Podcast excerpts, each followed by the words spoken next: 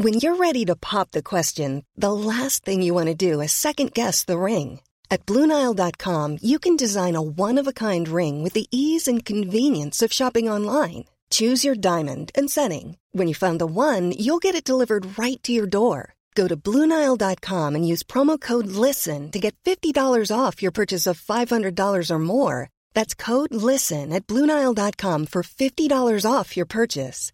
Bluenile.com code LISTEN. Hey, it's Danny Pellegrino from Everything Iconic. Ready to upgrade your style game without blowing your budget? Check out Quince. They've got all the good stuff shirts and polos, activewear, and fine leather goods, all at 50 to 80% less than other high end brands. And the best part? They're all about safe, ethical, and responsible manufacturing. Get that luxury vibe without the luxury price tag. Hit up quince.com slash upgrade for free shipping and 365 day returns on your next order. That's quince.com slash upgrade. I'm Sandra, and I'm just the professional your small business was looking for. But you didn't hire me because you didn't use LinkedIn jobs. LinkedIn has professionals you can't find anywhere else, including those who aren't actively looking for a new job, but might be open to the perfect role, like me. In a given month, over 70% of LinkedIn users don't visit other leading job sites. So if you're not looking on LinkedIn, you'll miss out on great candidates like Sandra. Start hiring professionals like a professional. Post your free job on linkedin.com/people today. Palmemordet Lyssnarintervjun del 1 med Bengt Hahn.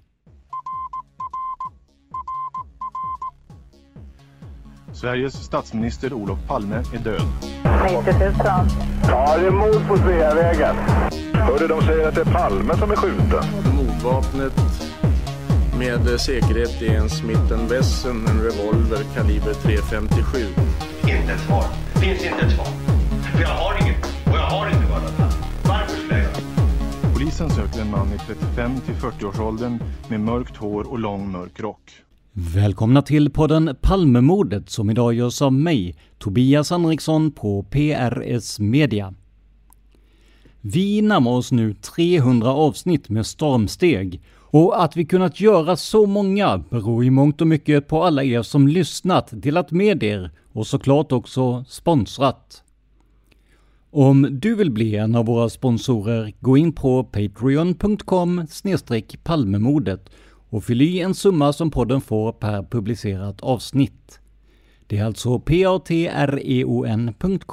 e palmemodet. Och för fler sätt att sponsra oss, kika i avsnittsbeskrivningen.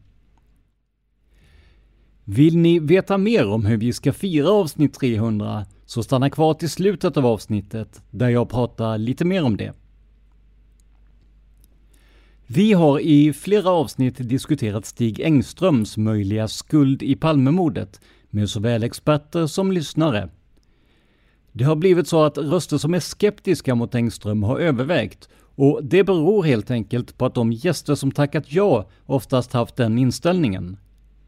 Men så i avsnitt 291 fick vi tag i Mattias Lundqvist som delade med sig av sin teori om Stig Engström. Och vi ska fortsätta på det spåret idag. För dagens gäst är Bengt Hahn, som ser Stig Engström som en i alla fall möjlig mördare. Den kommande timmen ska vi nörda ner oss i vittnesuppgifter, troliga mördare och otroliga teorier. Men först det vanliga. Vem är Bengt och hur kom han att bli intresserad av Palmemordet? Ja, Bengt heter jag ju förstås. Jag är 57 år, född i Norrbotten eller i Lappland snarare, i Gällivare. Eh, flyttade till Dalarna i Ludvika i skolåldern och har vuxit upp största delen. Jag betraktar också Ludvika som en hem, hembygd så att säga. Jag jobbar som avdelningschef på Skandia, eh, vilket är ett lustigt sammanträffande i sammanhanget. Det är väl bakgrunden. Och vi kommer ju, vi kommer ju att prata en del om, om inte så mycket om Skandia som om Skandiamannen sen. Eh, men jag tänkte innan vi går in på det, för att eh, du är med som, vad ska vi kalla det, lyssnarrepresentant här och ska prata Stig Engström. Eh, men hur kom det sig att du började intressera dig för Palmemordet och hur, hur upplevde du det när det ägde rum?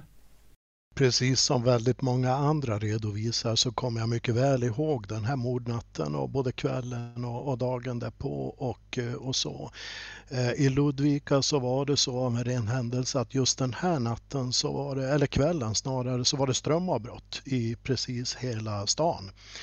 Och eh, jag hade vid det tillfället då en flickvän som jobbade lite extra på kvällen och, och, och, var ensam på sin arbetsplats och jag visste att hon inte skulle trivas så bra med det där så att jag åkte och hämtade henne helt enkelt och, och skjutsade hem henne. Och, eh, det här bidrog ju lite grann till en mystik eller mystisk stämning. Morgonen därpå så jobbade jag faktiskt trots att det var helg och eh, de spelade sorgemusik på radion och pratade väldigt länge om honom och vad han hade gjort och vad som hade hänt men det tog oerhört lång tid innan de kom fram till eh, saken vem det var som faktiskt var skjuten och innan det framgick då att det var Olof Palme. Så att eh, jag kom in i ett tillfälle när de helt enkelt inte nämnde vem det var så att det, jag fastnade ju framför radion ganska länge där innan det framgick vem det, vem det gällde. Och när vi tittar på det i efterhand här, jag är ju född 1980 då, så att jag, jag var sex år gammal när det hände, så att det mesta jag minns av det är ju att eh, på eh, morgonen eh, efter sen så var barnprogrammen inställda där på eh, Godmorgon Sverige var det väl på den tiden. Men, men alltså, när man tittar på det i efterhand så, så känns det ju ganska taffligt eh, med utredning och så här i början. Hur upplevde man det strax efter att det hade ägt rum? Hur upplevde du det? Ja, man hade ju inte samma insikt i, i, utredningen på den tiden som man kanske har idag. Vi hade ju inte sociala nätverk och vi hade inte heller flera tv-kanaler att välja på. Eh, så, så man var ju ganska hänvisad till presskonferenser och till kvällstidningarna och eh, det var väl så att man hade en ganska stor tilltro till polisen och, och, och utredningsförmågan och sådana här saker och, och, bedömde väl inte att det fanns någonting att tillföra till det utan utgick ifrån att det rullade på så att säga. Och, och det tror jag var en bild som, som de allra flesta hade och hade med sig under ganska lång tid där under, under de första åren skulle jag vilja säga. Vi har ju pratat i, i förra avsnittet om Olof Palme som person och vi har även pratat en del om eh, det här Palmehatet som det kallades då. Hur märktes det av om någonting alls eh, runt 86 och dessförinnan? Eh, jag tycker det märktes ganska tydligt. Det var väldigt vanligt förekommande med nidbilder och eh, även jag umgicks i kretsar där man pratade ganska öppet om att Palme skulle ha vårdats då på, på Beckomberga och andra saker, liknande saker då regelbundet. Så att det var ju det var en ryktesspridning som var ganska omfattande, det skulle jag vilja påstå. Eh, nu fäste inte jag så stor, stort avseende vid det där. Jag tog liksom aldrig till mig det där och, och jag blev ju faktiskt ganska bedrövad och illa berörd av det här mordet. Eh, jag Eh, kan man väl säga vid tidpunkten åtminstone sympatiserade ju en hel del då med, med Palme och med, med den politiken, den förda politiken. Så att jag, jag blev ju väldigt illa berörd. Men när utredningen sen löpte på, eh, det kom först ett uppslag om eh, ja, Gunnarsson, vi hade den, den galna österrikaren som Hans mer skriver om i sin bok och så vidare.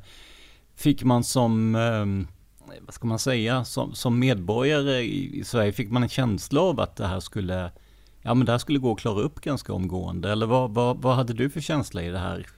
Ja, men det trodde väl alla inledningsvis och sen har det väl gradvis över tid så har väl eh, missmodet så att säga tilltagit lite grann i takt med att det egentligen inte har hänt så mycket konkret. Och, och sen blev det väl, upplevde man väl ett genombrott då när Christer Pettersson blev åtalad och precis som många andra utan att ha den här detaljkunskapen i ämnet så, så förutsatte man naturligtvis att utredningen och åklagarna hade på fötterna och att det var, eh, man, man trodde naturligtvis att det var så då att att Christer Pettersson var skyldig i, i, i det här skedet. Men sen visade det sig ju när man följde rättegångarna att det var ganska tveksamt och det kom fram då en hel del saker som att han hade alibi och, och, och ingenting egentligen tydde på att han var inblandad i det här och sen blev han ju frikänd i, i hovrätten. Då.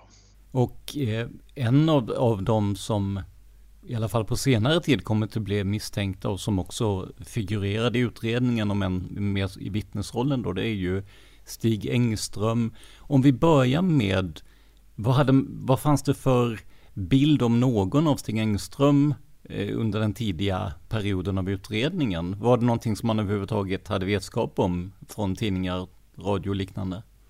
Nej, ingenting. Jag har, eh, jag har aldrig noterat att Stig Engström har figurerat som misstänkt i det här fallet under alla år. Eh, jag har stött på när någon gång i något eh, kommentarsfält på någon sajt att någon har misstänkt honom eller försökt att föra fram då att han, han skulle kunna vara en av de här misstänkta men jag bedömer det som att det har legat väldigt, väldigt lågt på han har varit helt under radarn och egentligen lika inaktuell för allmänheten som han uppenbarligen har varit för Palmegruppen och, och även för de eh, privatspanare och journalister som har ägnat en stor del av sin tid åt det här. Men om vi då hoppar framåt i tiden här och kommer till 2020 och den, ja, men den officiella lösningen eller i alla fall nedläggningen av eh, eh utredningen. När du fick höra om att det, det skulle presenteras ett avslut.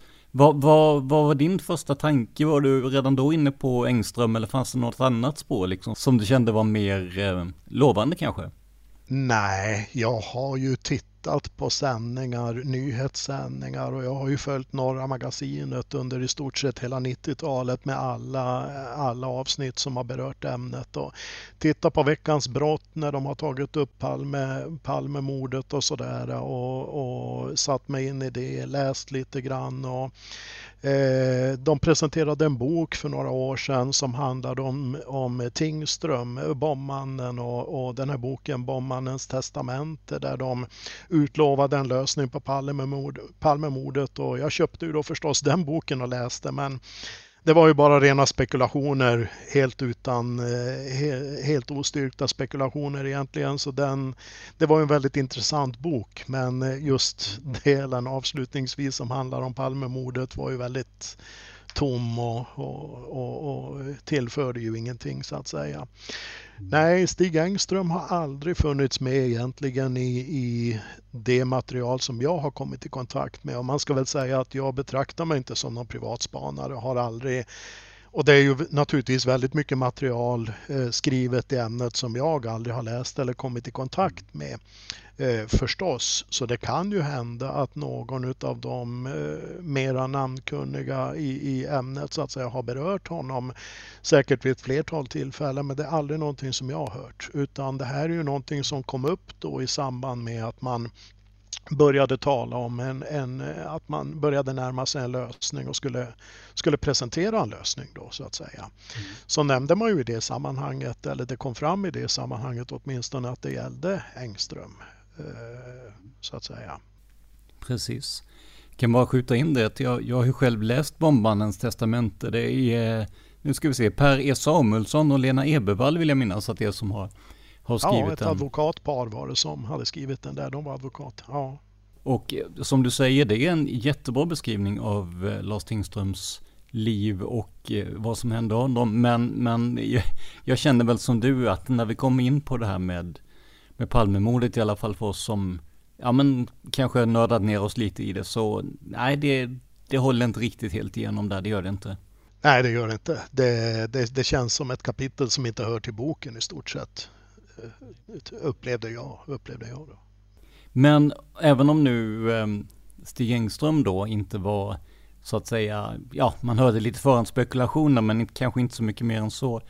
När det här väl presenterades, då många blev ju besvikna över den här presskonferensen och att det var ganska, ja de tyckte det var ganska vaga indicier som, som man presenterade det här på. Vad, vad var din initiala reaktion? Eh, det var samma reaktion. Jag, jag blev också väldigt besviken och hade ju förväntat mig eh, någonting konkret och eh, kanske kanske någon ledtråd till ett vapen eller DNA eller någonting sånt där och så visade det sig att det var egentligen ingenting utan det var ju man bara räknade upp en massa saker som redan var kända och, och, eh, och redan man trodde redan var värderade så att säga. Och, och eh, det var, nej jag, jag tyckte att det här var det här, det här är bara trams tänkte jag. Det här är ju en, en dålig anledning för att helt enkelt stänga utredningen. Så att jag, jag tänkte att jag måste ju ändå sätta mig in i det här och, eh, och värdera det här, hur det egentligen ligger till. Så att jag gjorde som så i det sammanhanget att jag började ju då att läsa igenom alla vittnesmål som finns tillgängliga egentligen och, och i synnerhet de tidigaste vittnesmålen. Och, eh, efter ett litet tag så började jag ju vackla lite grann och, och tänkte att eh, det här förefaller ju ändå inte vara gripet ur luften utan här finns ju faktiskt ganska mycket som talar för att Engström har med det här att göra. Och eh, man kan väl säga att ju mer jag har studerat detaljerna desto starkare tycker jag nog att tesen blir.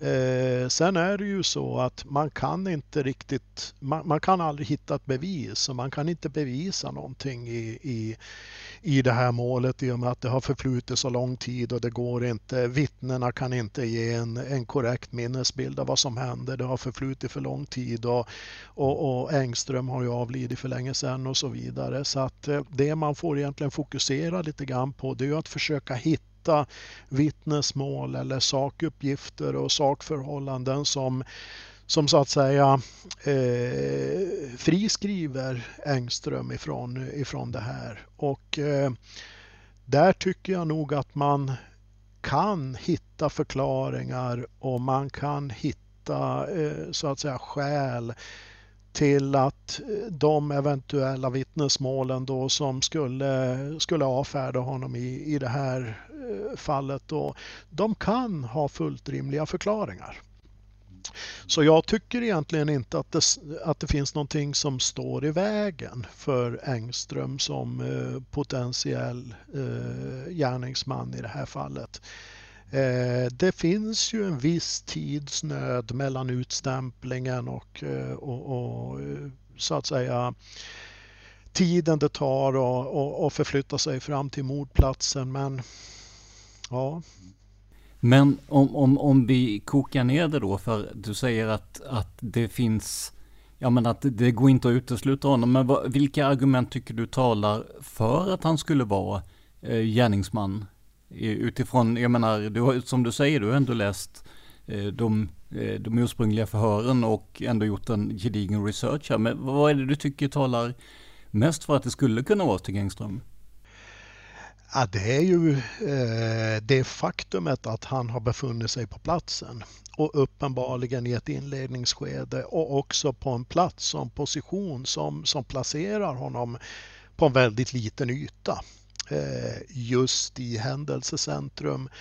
Eh, han har varit där. Han har ett signalemente som jag tycker stämmer oerhört väl med en sammantagen bild av vad alla vittnen har uppgett då i, i ett tidigt skede. Deras första så att säga förhör eller, eller vittnesuppgifter, berättelser som de lämnar. Eh, det finns en genomgående bild som talar om en rock då som sträcker sig till knä eller strax över knähöjd och, och kläderna och, och, och så vidare. Inte minst så tycker jag att hans kroppskonstitution stämmer väldigt, väldigt bra med eh, med beskrivningen. Man kan få det intrycket när man tittar på bilder av honom, eh, bilder som föreställer ansiktet, att han är ganska eh, rundnätt och sådär och lättöverviktig och så. Eh, det där stämmer egentligen inte om man tittar på honom i, i, i helfigur. Han, enligt uppgift så var han ju 1,82 lång och vägde inte mer än 80 kilo, vilket då får betraktas som att man är i väldigt god form. Fullt, fullt i skick för att springa ett långlopp i, i löpning så att säga. Så han, eh, och, och eh, tittar man på bilder, jag har fastnat för en bild bland annat på Gunnar Walls blogg eh, så finns det ju en bild på Engström bakifrån när han står då vid en av de här reklampelarna och jag tycker att den bilden är nästan kuslig att se så tätt in på när man läser alla vittnes, eh, alla vittnens beskrivning då, så att säga, av signalementet. Den, den, det säger naturligtvis ingenting men det, det ger en ganska... Det, det, det känns oerhört träffande måste jag säga. Han, han har en ganska bred ryggtavla, han är reslig. Bakifrån så ser han väldigt välbyggd ut men inte, inte överviktig. Det, det, det, den vittnesuppgiften som många hänger upp sig på som absolut vill avfärda då Engström det är ju det här med mössan och den här upprullade luvan då som eh, ett av vittnena som följde efter då uppger och, och, även då Morelius då som sitter på andra sidan vägen. Men när det gäller Morelius så, så finns det andra tveksamheter i hans vittnesmål. Eh, och sen är han ju också ganska tydlig med att han upplever ju det här i, i motljus så att säga. Han ser en siluett och, och, och det gör ju att att den så att säga vittnesuppgiften ska ju också betraktas som så, en siluett helt enkelt. Han gör sitt bästa för att beskriva vad det är han upplever i, i, i den här siluetten men det går inte att se vad det är för plagg eller vad det är för huvudbonad egentligen. Det går bara att se en, en form eh, så att säga. Eh, och, och tittar man på just den här bilden på Gunnar Walls blogg så är det väldigt, väldigt lätt att föreställa sig att man i ett under en väldigt, väldigt kort tid och ett eh, så att säga omtumlande ögonblick upplever det här som en upprullad mössa. Vi kallade ju de här mössorna för Olles bror i, i lumpen. Eh, men jag tänker det om man ska vara lite sådär djävulens advokat så när du och jag pratade inför den här intervjun så pratade vi just om det här med, med vittnen, pålitligheten och så vidare. Och Stig Engström var ju ute mycket i, i media. Hans bild fanns ju i, i ja, rapportinslaget, det berömda, och även i tidningarna. Kan, det kan inte vara så att man har, så att säga, läst in honom i situationen utifrån vad man har läst i tidningarna då? Ja, jag upplever ju att det är precis det man har gjort. Eh, det finns ju några centrala vittnen på platsen. Vi har ju den så kallade skeva mannen och hans passagerare då och eh, idag så eh, jag vet inte hur, vad de säger just idag, men i långt, långt senare och även i rättegångarna så har de ju pratat om, om Engström, att han kommer in i, i, i händelseförloppet och att han finns där och, och beskriver honom och sådär. Men tittar man på deras första uttalanden och, och, och, berättelser och förhör då som är, är då tagna direkt efter mordet eller dagarna efter mordet så, så pratar de ingenting om det överhuvudtaget. Och de får ganska specifika frågor där det är uppenbart att utredarna försöker att placera Engström på platsen och, och så att säga validera hans förekomst eller, eller befintlighet där. Och det, det får de helt enkelt bara nekande svar. De, de, eh, de, de talar om en annan utav vittnena då, en, eh, en Jan-Åke här och, och hans klädsel och han är ju ganska bra beskriven beskriven och hans så att säga närvaro på platsen har vi ju inget som helst skäl att betvivla. Det, det, anser vi ju vara helt klarlagt men eh, just när det gäller Engström så säger de ingenting om honom. Utan han har ju varit ute i massmedia och hans bild har funnits i både kvällstidningar och, och, och tv-inslag och så vidare.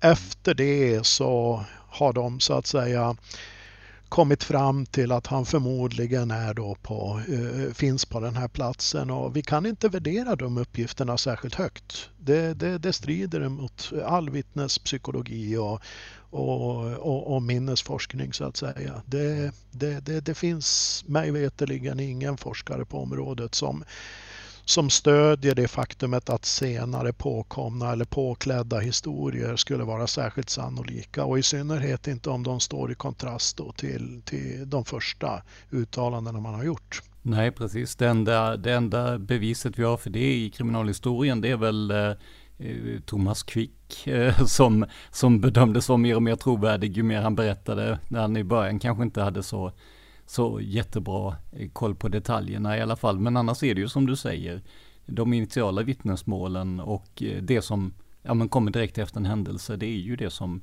brukar bedömas som absolut mest eh, trovärdigt och rätt.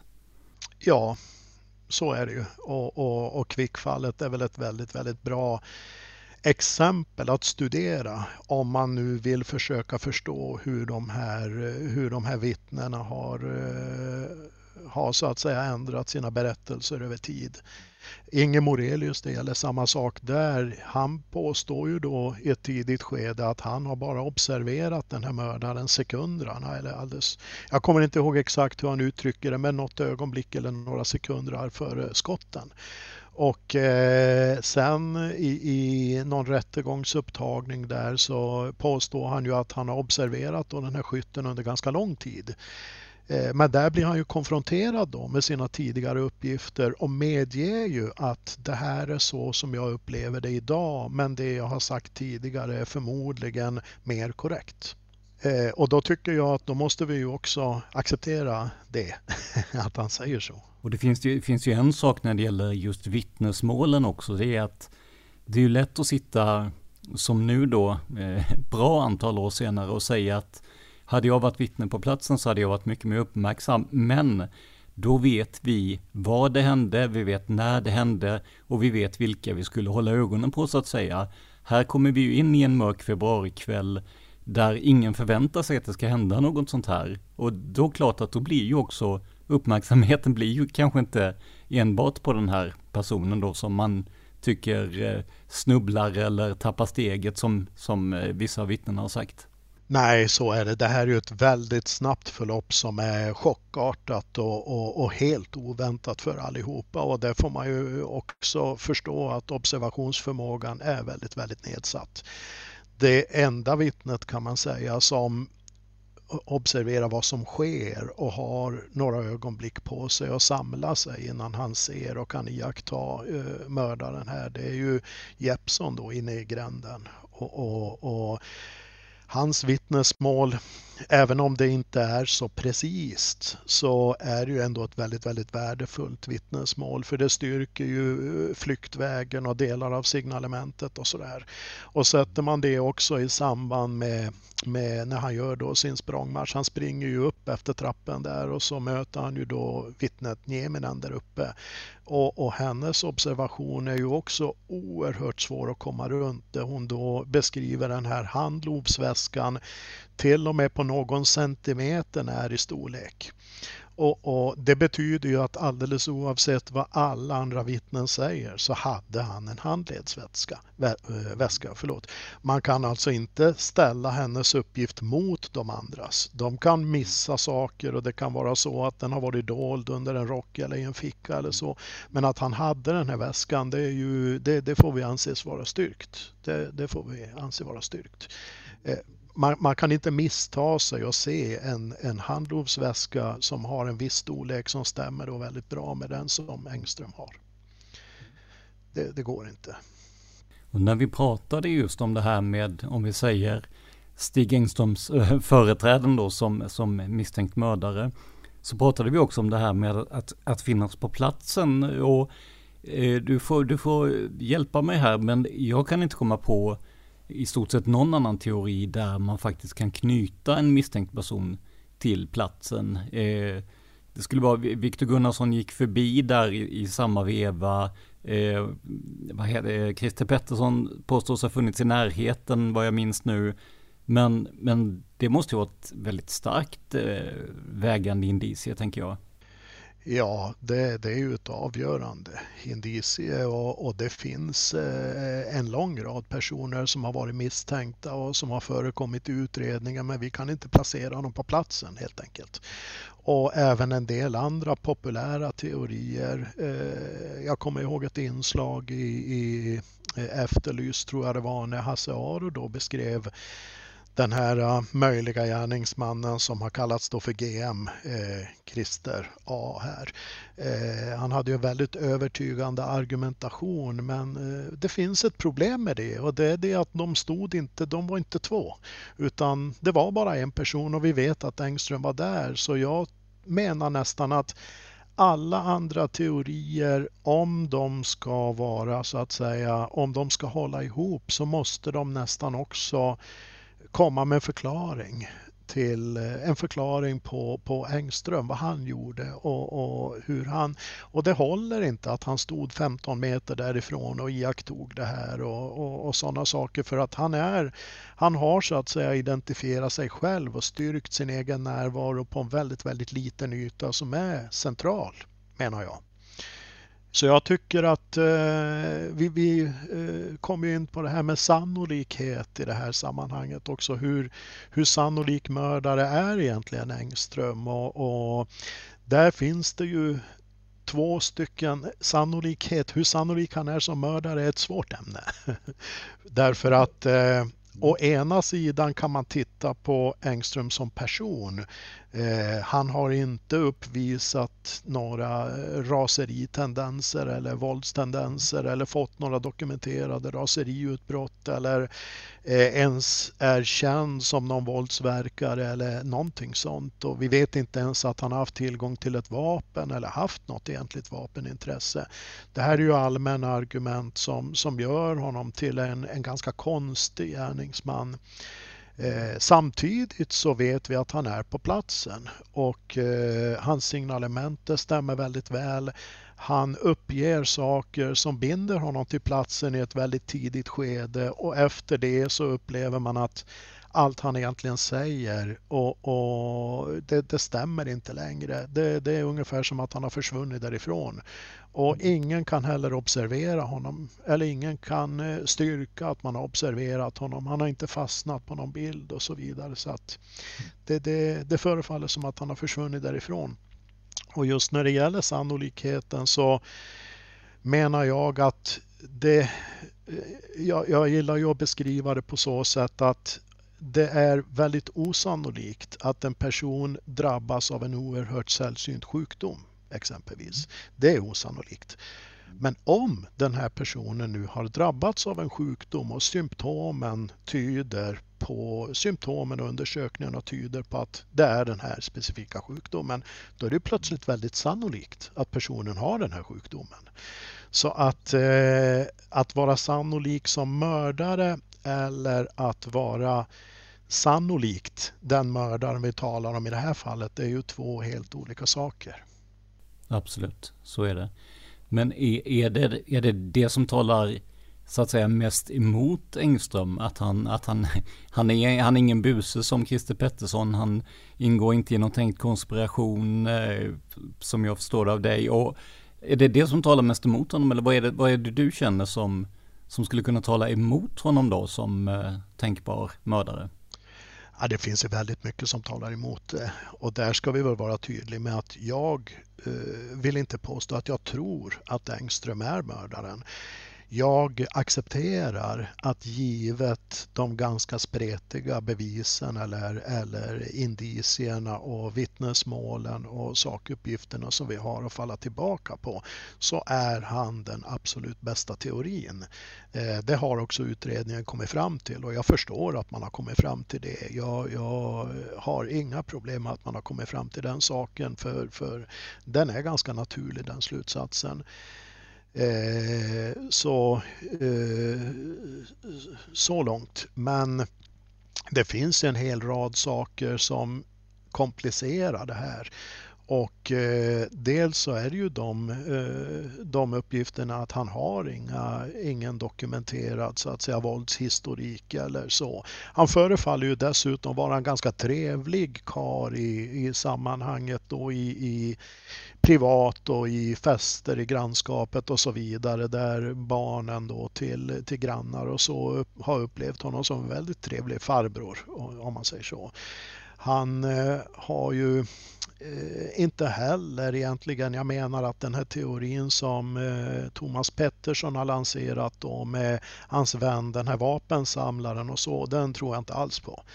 Den, den, den tror jag inte på överhuvudtaget. Den, den låter alldeles för långsökt och att den eh, samlaren skulle ha lånat ut ett vapen till Engström och sådär, det kan vi nästan det, det, har åtminstone jag strukit ifrån protokollet helt och hållet. Va? Eh, men vi har ju en massa andra saker.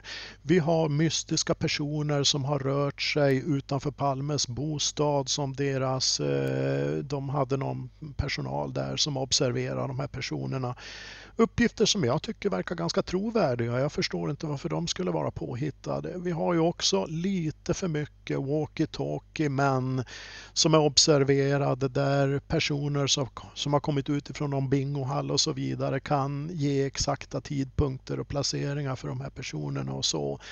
Eh, vi har ju också personer som har trätt fram som påstår sig ha blivit erbjudna då eller tillfrågade om de vill ta på sig ett morduppdrag när det gäller då eh, Palme och så vidare. Va? Eh, han har ju också fått ta emot en hel del hot. Han har ju levt med en hotbild. Och, och, han var ju en kontroversiell person som många i Sverige tror jag betraktade som en eh, ja, som en landsförrädare helt enkelt. Och eh, självklart då inte heller skulle haft några större problem med att delta då i en konspiration för att, för att undanröja honom som person. Så det finns så många sådana saker och eh, en sammantagen bild utav det där försvagar ju naturligtvis teorin om Engström det finns ju, det har ju förts fram också i något sammanhang, jag kommer inte ihåg exakt vad jag hörde det, men att eh, det är fullt möjligt att det pågick en, en mordkonspiration. Men att den egentligen inte, inte kom i mål med sitt uppdrag utan att eh, Palme blev avrättad av någon helt annan under den här så att säga processen när man då eh, kartlade, kartlade Palme och hans rörelser. Va? Eh, och den teorin den kan ju inledningsvis låta ganska konstig men den skulle också besvara väldigt många frågor. Den skulle, den skulle helt enkelt reda ut en del frågetecken som är väldigt svåra att reda ut. Eller räta ut säger man kanske. Men då, då har vi ju det här med sannolikheten igen då. Då skulle i så fall flera av, av varandra förmodligen då oberoende grupper eller personer har velat ha ihjäl statsministern på samma kväll och i relativt samma område. Eh, det, jag känner väl att teorin som sådan, absolut, men just sannolikheten att man skulle använda samma, samma kväll till det, samma tillfälle, det har jag lite svårt för. Vad säger du? Ja, det har jag också. Det, ja, det, det är ju en naturlig reaktion. Det, det förefaller ju helt orimligt. Det, det, får jag ju erkänna. Jag ska inte säga att jag tror på det, men det jag säger är att det skulle räta ut en del frågetecken som är svårförklar svårförklarliga. Å andra sidan så var ju det här den kvällen då Olof Palme faktiskt var ute på stan utan livvakter. Så visste man om det så är det ju i och för sig ett utmärkt tillfälle att, att försöka, ja men, försöka ge sig på honom helt enkelt. Det var inte varje dag det här hände enligt eh, vad vi vet nu. Nej. Men lite kopplat till den frågan är ju också det här eh, en del av de andra teorierna om vi, om vi tittar på till exempel den här teorin med Christer Andersson. Där har man ju då tittat på honom som person och, och eh, vissa gärningsmannaprofiler och så där har, ju då, har man ju då gjort gällande att det skulle, skulle passa in på honom. Problemet med den typen av personer är då att då följer det nästan som en konsekvens också att mordet måste ha varit planerat. Eh, och ingenting på mordplatsen och förloppet tyder ju på att det är planerat. Därför så menar jag att det försvagar också de andra teorierna och stärker ju absolut teorin om Engström. Eh, jag, jag eh, jag har svårt att tänka mig att de här andra personerna som har ett mer brinnande hat beväpnade plötsligt skulle ha stött på Palme utan att ha någon aning om vart han egentligen rörde sig. Det, det, det, det, det låter också jättekonstigt. Då skulle man ha valt en annan plats. Det är ju en väldigt illa vald plats, tycker jag. Om, om vi pratar just det här ensam gärningsman kontra eh, Eh, konspiration, finns det något som du ser några indikationer på att eh, Stig Engström så att säga ingick eller har blivit kontaktad av eh, någon konspiration som vill ha ihjäl Olof Palme? Eller ser du honom som en, ja, men som en ensam gärningsman? Ja, jag ser honom som en ensam gärningsman. Jag tror att en sån konspiration skulle ha väldigt svårt att eh, etablera ett sånt samarbete med Engström. Vi har ju sett hans beteende och, och, han har sprungit runt och det har ju beskrivits som en elefant och så vidare och han pratar väldigt mycket bredvid mun och sådana här saker. Jag tror att eh, en konspiration som närmar sig honom skulle av skulle så att säga hitta nya kandidater ganska fort. Nu, nu kände jag ju inte honom och, och, och så va? Och, och det finns också en motbild här. Eh, personalen på Skandia som uppenbarligen då har känt honom eller känt till honom bättre har ju misstänkt honom. Eh, det är ju faktiskt en ganska stark, eh, för man pratar ju ofta om, och det var, var ni ju inne på i ett tidigare avsnitt här också, att eh, familj och vänner och gamla skolkamrater och, och, och gamla exfruar och sådär, alla är ju alltid eniga om att han kunde aldrig göra någonting sånt här och han har inte det i sig och han är världens snällaste person och sådär. Den beskrivningen får vi om snart sagt alla gärningsmän. Så, så, så, den kan man inte hänga upp sig på menar jag. Men eh, hans eh, kollegor på arbetsplatsen har tydligen varit av en annan uppfattning. Och, och det är också svårt att helt och hållet avfärda. It's that time of the year. Your vacation is coming up. You can already hear the beach waves, feel the warm breeze, relax and think about work. You really, really want it all to work out while you're away. Monday.com gives you and the team that peace of mind. When all work is on one platform and everyone's in sync, things just flow wherever you are. Tap the banner to go to Monday.com. Millions of people have lost weight with personalized plans from Noom, like Evan, who can't stand salads and still lost 50 pounds. Salads, generally, for most people, are the easy button, right? For me, that wasn't an option. I never really was a salad guy. That's just not who I am. But Noom worked for me. Get your personalized plan today at Noom.com. Real Noom user compensated to provide their story. In four weeks, the typical Noom user can expect to lose one to two pounds per week. Individual results may vary. Burrow is a furniture company known for timeless design and thoughtful construction and free shipping. And that extends to their outdoor collection. Their outdoor furniture is built to withstand the elements, featuring rust-proof stainless steel hardware, weather-ready teak, and quick-dry foam cushions. For Memorial Day, get 15% off your Burrow purchase at burrow.com slash ACAST and up to 25% off outdoor. That's up to 25% off outdoor furniture at burrow.com slash ACAST. Ja, precis. Man gjorde ju en, någon slags egen eh, förundersökning tror jag de kallade det i protokollen där. Eh, där man skulle in och kolla efter eh, vapendelar och krut och grejer eh, som, som man sen givetvis pratade med polisen om också. Men, men visst, misstanken fanns där. Ja, och han hade ju kontoret låst och det var tydligen emot riktlinjerna på arbetsplatsen. Han har ju varit väldigt hemlighetsfull och sådär och det, det så att säga försvagar ju inte teorin utan lägger ju ytterligare en, en eh, sten på vågskålen så att säga. Jag tror ju att många av dem som, som har någon form av konspirationstanke kring just eh, Stig Engström tänker nog också på eh, jobbet på, på eh, Skandia, eh, Skandiahuset som då sägs ha varit eh, ja, men tillhåll för Stay Behind och så vidare. Nu, nu slumpade det sig så att, att du jobbar ju också på Skandia här nu.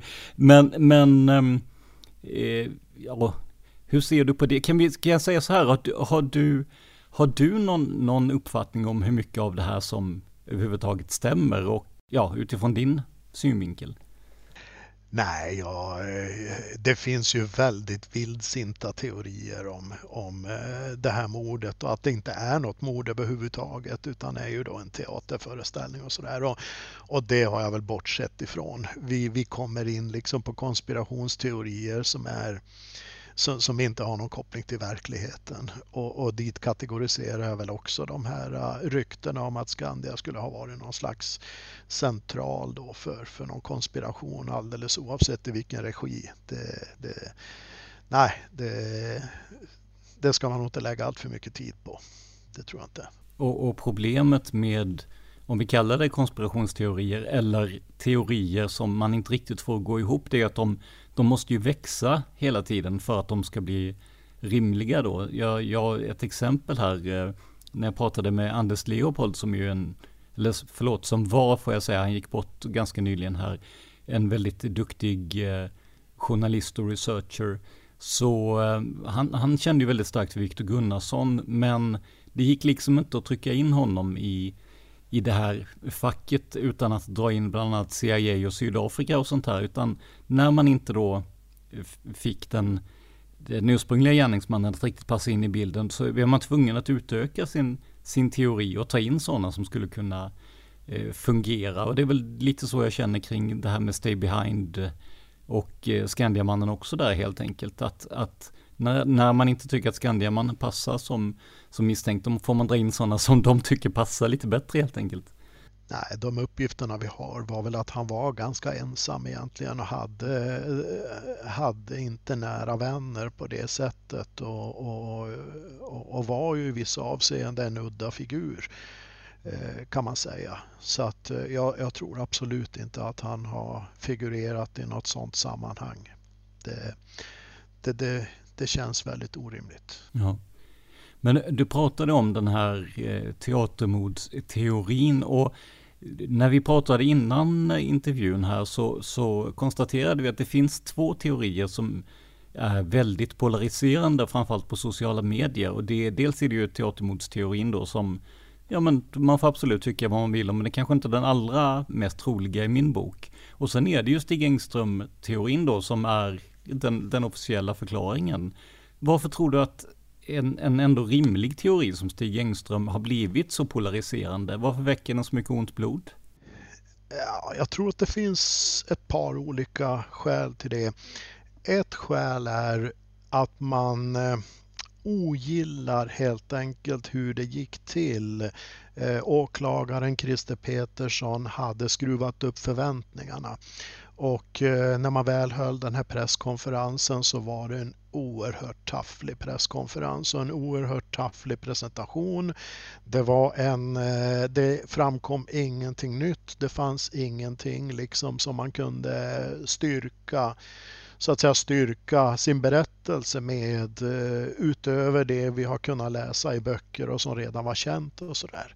Så att eh, jag tror att det var en stor besvikelse gentemot eh, utredningen och, och Christer Petersson som person i det här sammanhanget och jag tror att väldigt många människor så att säga reagerade, har reagerat mot det och, och, och helt enkelt ogillar sättet det gick till på och upplever det som inkompetent i någon mening. Att det, det finns en inkompetens här. Eh, det tror jag är den ena, det ena skälet. Eh, jag tror att man helt enkelt vill på något vis straffa eller slå tillbaka mot Palmeutredningen. Man upplever att de inte höll måttet här. Sen finns det ett par skäl till och det är ju att många människor har redan investerat en hel del tid och har ju trott på teorier, olika teorier länge. Vi har också en hel del författare och journalister som har skrivit många böcker och levt på det här och producerat tv-program och så vidare. Och, och det är ganska intressant att notera att de här, nu ska vi säga på en gång att nu uttalar, mig, uttalar jag ju mig om någonting som jag inte helt och hållet kan ställa mig bakom. Det här är till stora delar en spekulation. Men jag har aldrig sett de mest namnkunniga journalisterna som har ägnat mycket, mycket tid åt det här fallet ägna någon eh, programtid eller så åt eh, Engström tidigare innan han kom upp här som en misstänkt i ett väldigt sent skede.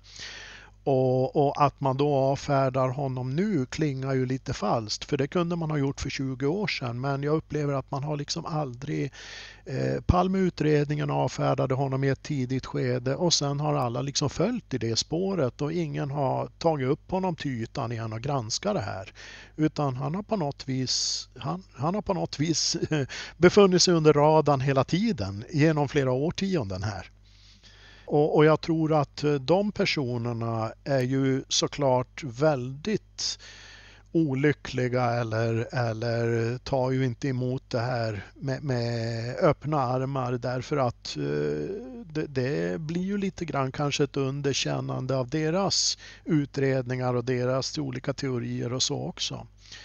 Så, men det är alldeles uppenbart att eh, teorin om Engström här den, den är väldigt polariserande och många som kommenterar det här i sociala medier bland annat de, de gör ju det så att säga väldigt eh, kategoriserande och, och avfärdande utan att egentligen kunna styrka då i, i vittnesbeskrivningar eller vittnesberättelser och så varför. Utan man, och det gäller även till exempel Leif GW. Han tror ju inte heller på det här och han anför ju ungefär samma skäl. Han borde ha kommit på det här för länge sedan om han ska så att säga Leva upp till sitt rykte? Leva upp till sitt rykte var precis vad jag skulle försöka säga.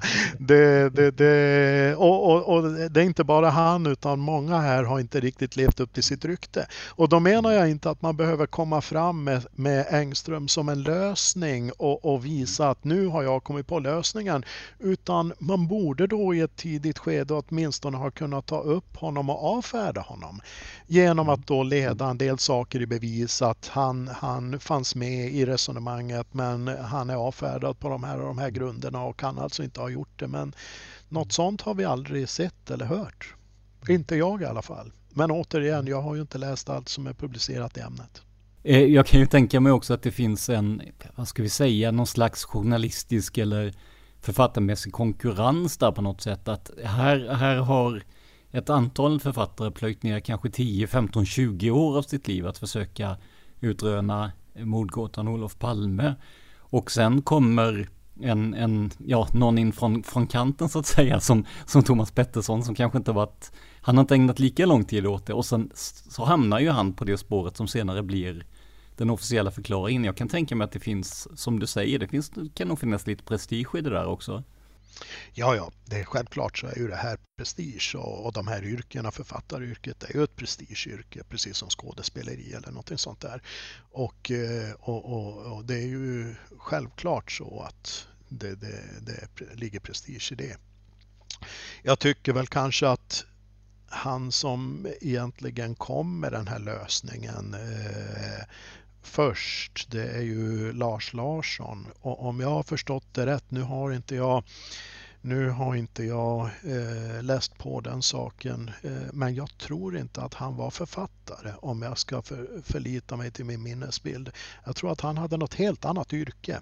Ja, sist jag hade kontakt med honom så jobbade han på något teknikföretag nere i Schweiz om jag inte minns fel, om det var något ABB eller om det var något annat. Men, eh, någon slags ingenjör va? Ja, jag har för mig att han kom från en helt annan bakgrund och mer eller mindre, ja men som jag förstår det i alla fall, snubblade över där. Han har ju inte varit så, så utåtriktad heller vad gäller intervjuer och sånt där ju eh, på senare år i alla fall. Så att eh, jag har inte kunnat fråga honom själv men eh, ja, nej, det, det, det, han kommer ju från en, en, en, helt annan bransch så att säga och, och lyckades få ett eh, uppenbarligen ett väldigt bra skop.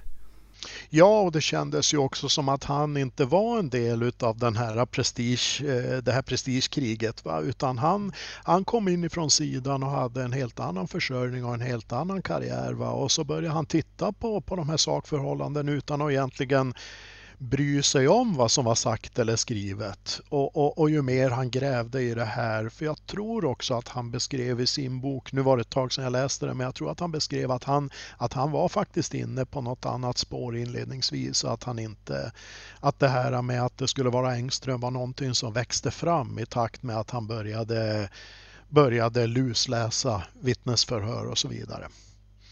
Och, och, kom då sakta men säkert fram till den slutsatsen och när han väl hade, hade etablerat den teorin så försökte han ju att falsifiera den också.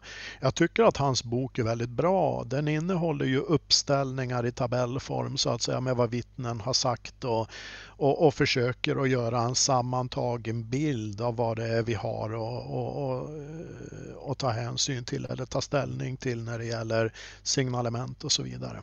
Det är alltså Lars Larssons bok Nationens fiende där. Men, men någonting som jag tycker har saknats till stor del i alla fall, det är ju motivbilden. Alltså, vi, vi har ju konstaterat att utifrån sett så verkar ju inte Stig Engström vara en, eh, ja, en diabolisk mördare i alla fall. Men vad, vad, vad har du fastnat för i, vad var anledningen till att det skedde som det skedde om det nu var Stig Engström som gjorde det? Jag tror nu säger jag ju fel igen. Jag tror inte kanske, men jag har ju ett scenario som jag bedömer som sannolikt. Eh, det scenariot har ingenting med grandmannen att göra. Eh, jag, jag, tror, om det här nu stämmer, så tror jag inte att grandmannen är en en del av förloppet helt enkelt. Det, det spretar lite för mycket och de här äh, vittnesuppgifterna därifrån skiljer sig åt en del också i det här signalementet av den äh, påstådda grannmannen. Så jag, jag har väldigt svårt att och, och se någon större sannolikhet i det. Men eh, vi har ju det här vittnet eh, Nikola F då som har gått efter den här vägen och, och rört sig då norrut efter, efter Sveavägen eh, längs efter, passerat mordplatsen eh, bara någon minut före mordet. Och han är ganska tydlig med att ingen har stått där vid det tillfället. Han har inte observerat någon person där. Och, och det strider ju lite grann emot eh, Inge Morelius senare uppgifter då att han skulle ha uppmärksammat mördaren i hörnet då, den så kallade Dekorima-mannen då i, i, kanske upp till ett par minuter. Men som jag sa för ett tag sedan så har ju även Inge Morelius medgivit att den uppgiften är förmodligen fel eftersom han då sa någonting annat i ett tidigare skede. Eh, där står alltså ingen mördare. Han rör sig norrut och eh, han passerar inte Anders B som borde ha stått utanför den här bankomatlokalen. Eh, han observerar inte honom där, där Anders B upplever då att han har rört sig under just den här aktuella tidpunkten. Det betyder att Anders B måste ha befunnit sig någon annanstans. Eh, nu har inte jag varit och stegat på platsen och sådär, men min uppfattning är väl att den andra reklamskylten som var strax bortom Skandia-entrén kanske kan vara något 20-talet meter norr om den här bankomat. Det, det är ganska nära. Eh, det är väldigt nära och, och, eh, Anders B har ju då uppgivit i något annat förhör att han tror sig inte ha varit längre norrut än cirka 10 meter. Men det här betyder ju att han ändå är fullt öppen med att han kan ha varit längre norrut än entrén. Han kan ha rört sig eh, där för att spana efter sina kompisar och försöka att se dem längre upp efter gatan eller så. Eh, det, det, är möjligt. Och sen har han rört sig ut i gatan, kanske för att få en bättre vy längre bort då, över, över trottoaren. Vad vet jag, men det, det är rimligt bedömer jag det som. Eh, han har vänt om där och eh, Nikola har passerat Skandia-entrén och upptäcker då makarna Palme 10 meter, 15 meter framför sig, står i begrepp att möta dem. Och då kan Engström ha kommit ut genom entrén bakom ryggen på Nikola F som då följaktligen aldrig har observerat eh, Engström eftersom han kommer ut bakom hans rygg. Då. Eh, Engström kan ha tittat åt höger och upptäckt makarna Palme och sannolikt även identifierat dem för Nikola F påstår ju att han har känt igen dem tydligt. Eh, det betyder ju att det var hyggligt eh, upplyst det här området där de var och så. Eh, så han har observerat dem. Han har inte tänkt mer på saken och i det sambandet också ska jag säga så observerar ju då Nikola F då Anders B utanför den här, utanför den här reklamskylten. Eh, sen har då eh, Engström vänt på klacken och hastat iväg så att säga mot korsningen. Han uppger ju själv att han gick i ganska rask takt och, och det tror jag säkert att han gjorde. Det, han, han verkar jäkta på ganska bra. Och som jag eh, beräknade lite snabbt, va, det var cirka 50 meter. Va, och, och går du i sådär rask takt så hinner du minst eh, 6 kilometer på en timme. Och det, det betyder ju att den här promenaden bör inte ha tagit, tagit längre tid än cirka 30 sekunder, maximalt 40 sekunder. Så, så, han kan ju vara på plats i väldigt god tid innan de kommer och observeras av Inge Morelius då. Eh, han har helt enkelt eh, gått dit under den här promenaden så har han då eh, konstaterat att det här var ju den där Palme. Och han, eh, vad, ska han, vad var det han skulle göra nu? Han skulle åka till Sovjet och, och, och det ena och det andra har hänt här och, och han hade ju uppenbarligen en annan politisk eh, syn. Så att eh, han kan ha beslutat sig för att eh, jag, ska förklara för Palme att han är, han är en landsförrädare. Jag, jag, eh, jag måste förklara för honom här att det här, han får ta och skärpa sig eller vad det nu kan vara.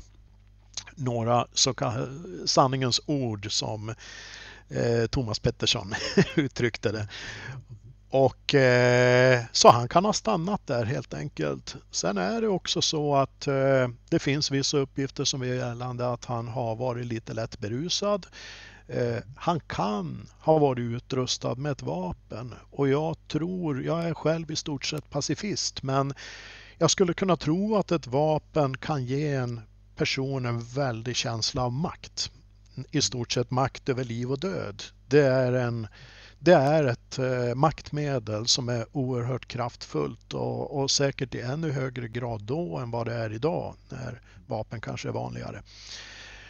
Eh, så att eh, han kan ha stått där och väntat. Eh, makarna Palme har kommit förbi. Han har klivit fram och med barsk röst eh, eh sagt då, Hörru du eh, Palme eller någonting sånt.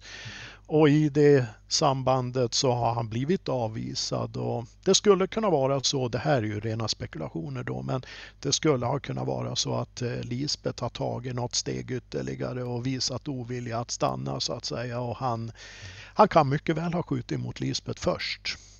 Det finns en del vittnesuppgifter som tyder på att Palme föll efter andra skottet. Jag är oklar på om någon säger att han föll efter första skottet men det, det, är flera som har fört fram den teorin och det skulle kunna vara så.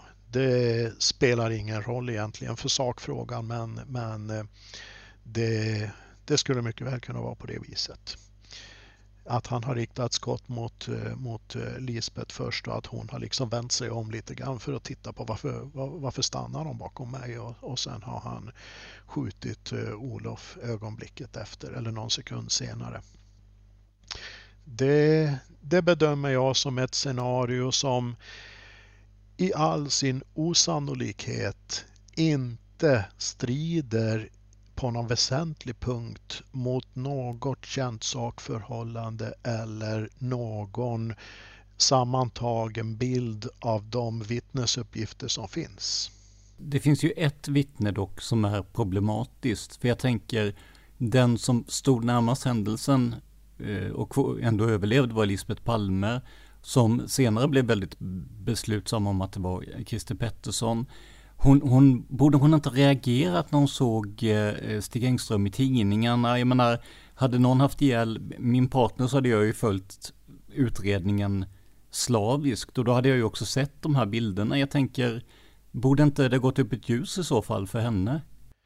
Ja, man kan tycka det, men samtidigt, vi var inne på det tidigare, att det här var ett väldigt chockerande, en oerhört eh, traumatiserande ögonblick så att säga. Och det fanns flera personer på platsen också strax efteråt. Vi, vi hade ett antal människor som rusade till och hon har förstås i sin förtvivlan iakttagit det ena ansiktet efter det andra och jag tror att hon har haft väldigt, väldigt svårt att och så att säga reda ut vem som var vem och, och, och så här. Och eh, Lisbeth Palme kommer ju med en väldigt, väldigt intressant uppgift till Hans Holmér någon vecka eller så efter mordet där hon beskriver ansiktet med en tunn rak överläpp och, och runda kinder och kort hals och stirrande blick och sådär. Och det, när man läser den beskrivningen som eh, Holmér då, det är ju lite grann av en andrahandsuppgift ifrån Holmér, men när man läser den så och tittar på en bild av Engström så måste man ju ändå tillstå att det är en väldigt precis beskrivning på Engströms ansikte.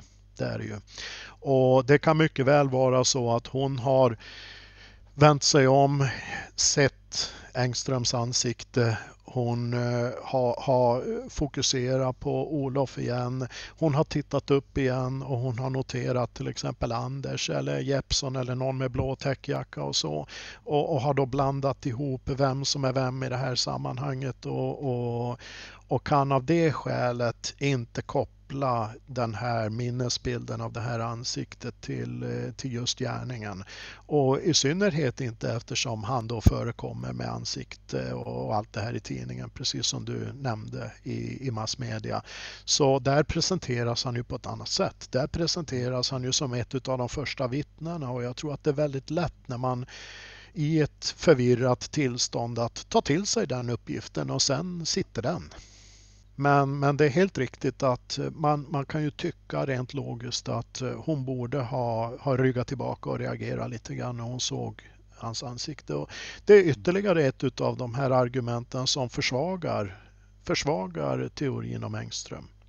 Inte tillräckligt mycket för att utesluta den. På, inte på långt när menar jag, men, eh, men som vi har varit inne på tidigare så finns det ganska gott om argument som också talar emot Engström som gärningsman.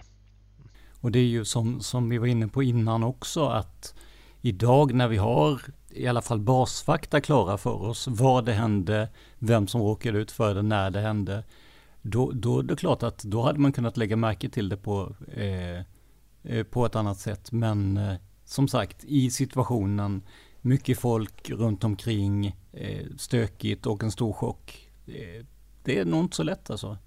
Nej, det är ju när man tittar på saker i efterhand. Vi kan ju titta på en repris från en fotbollsmatch och, och, och eh, tala om precis hur vi skulle ha gjort det avgörande målet. Det, det går naturligtvis inte i efterhand och, och, och, bedöma det här på samma sätt och det är ju ett ögonblicksverk. Det är ju ett väldigt kort förlopp så att säga. Och, och, och, och, det gör ju, jag tycker ändå, med det sagt så tycker jag ändå att det är anmärkningsvärt att en sån stor andel av de mordplatsvittnena som finns lämnar en så pass samstämmig bild av mördarens signalemente.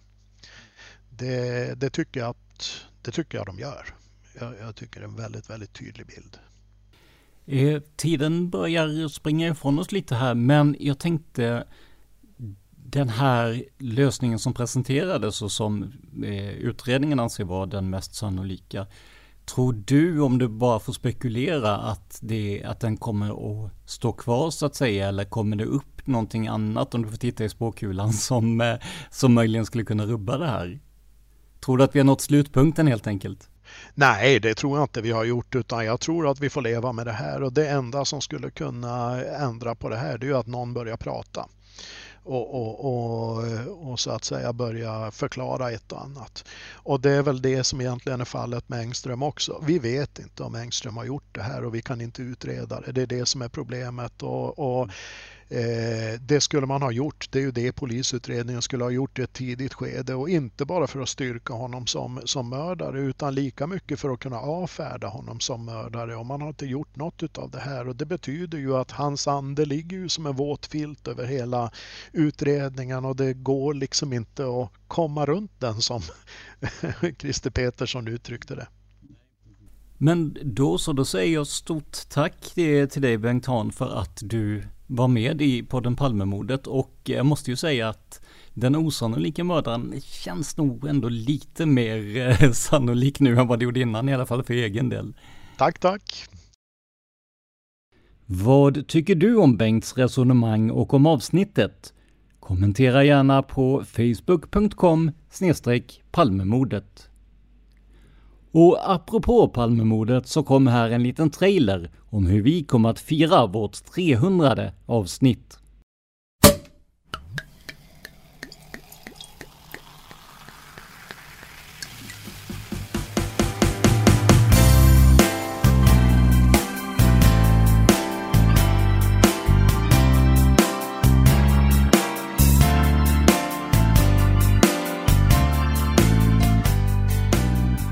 Hej! Det här är Tobias på podden Palmemordet. Jag vet att det låter otroligt, men nu är det inte länge tills vi fyller år. För det kan man väl säga när det börjar närma sig 300 avsnitt. För att fira det här har vi satt ihop en panel med några av våra mest uppskattade gäster som tillsammans med mig och Dan är beredda att svara på era frågor ni kommer bland andra att få möta David Lyning som gjort ett stort antal intervjuer om Palmemordet och allas vår Juan Esposito som hjälpt oss bakom kulisserna med sin fantastiska känsla för research. Ja, och såklart jag och Dan också. Gå in på facebook.com palmemordet, leta upp tråden om avsnitt 300 och skicka in din fråga innan den 10 september 2021 för att ha en chans att få den besvarad i avsnittet. 300 avsnitt vill vi fira tillsammans med er, så ta chansen att ställa era frågor nu. För vi har gjort alla de här avsnitten för er och med hjälp av er. Så stort tack för att ni varit med oss på den här resan.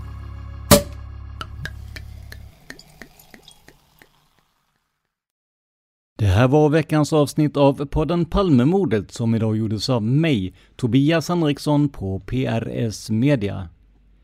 För mer information om mig och mina projekt besök facebook.com prsmedia.se eller gilla oss på Instagram där vi heter prsmedia, ett ord, små bokstäver. Stort tack till Bengt Hahn som var med i dagens avsnitt och förklarade teorin Skandiamannen. Men framförallt, stort tack för att du lyssnar på podden Palmemordet. Man hittar Palmes mördare om man följer PKK-spåret till botten.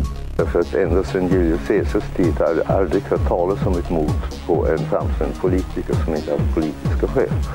Polisens och åklagarens teori var att han ensam hade skjutit Olof Palme. Och det ledde också till rättegång.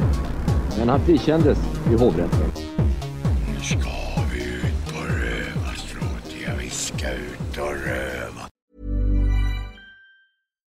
Here's a cool fact. A crocodile can't stick out its tongue.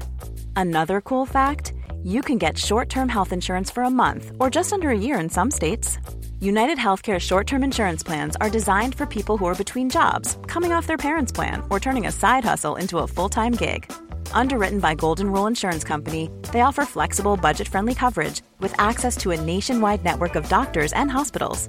Get more cool facts about United Healthcare short term plans at uh1.com. Here's a cool fact a crocodile can't stick out its tongue.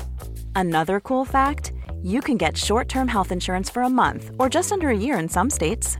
United Healthcare short term insurance plans are designed for people who are between jobs, coming off their parents' plan, or turning a side hustle into a full time gig. Underwritten by Golden Rule Insurance Company, they offer flexible, budget friendly coverage with access to a nationwide network of doctors and hospitals. Get more cool facts about United Healthcare short term plans at uh1.com. Planning for your next trip? Elevate your travel style with Quince. Quince has all the jet setting essentials you'll want for your next getaway, like European linen premium luggage options, buttery soft Italian leather bags, and so much more. And is all priced at 50 to 80% less than similar brands. Plus, Quince only works with factories that use safe and ethical manufacturing practices. Pack your bags with high-quality essentials you'll be wearing for vacations to come with Quince. Go to quince.com/pack for free shipping and 365-day returns.